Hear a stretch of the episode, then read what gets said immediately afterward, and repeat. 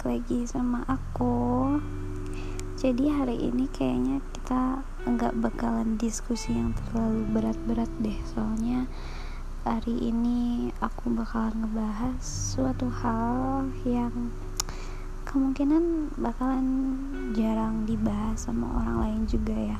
Karena emang ini lebih ke dasar mendasarnya untuk menjalani kehidupan gak sih ya jadi aku bakalan bahas tentang pandangan hidup. Pandangan hidup kalau menurut aku tuh uh, sesuatu yang harus di apa ya harus sesuatu yang diyakinin dan itu tuh mutlak sifatnya.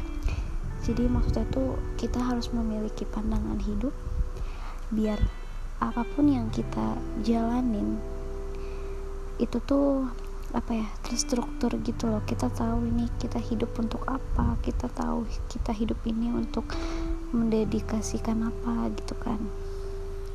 Jadi aku ngambil contoh dari pandangan hidup uh, agama gitu kan. Pasti adalah ya pandangan hidup agama uh, kita tuh harus harus menjalankan ibadah kewajiban kita sehari-hari seperti ngaji seperti sholat segala macem.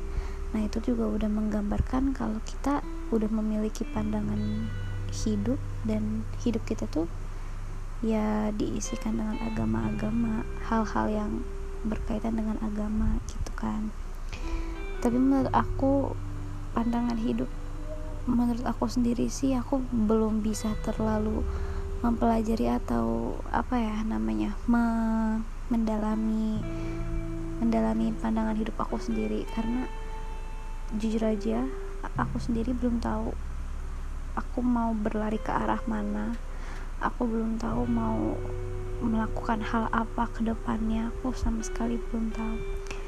Tapi untuk eh, hal-hal uh, yang mutlak yang harus aku lakukan di hidup ini ya aku udah tahu sih. Aku aku aku tahu kewajiban aku di dunia ini untuk saat ini itu apa aku udah tahu.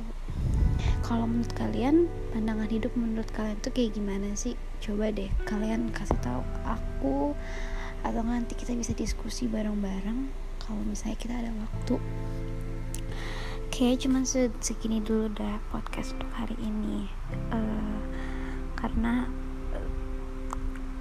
karena waktunya juga nggak banyak uh, sekiranya mungkin ada yang salah bisa dikoreksi.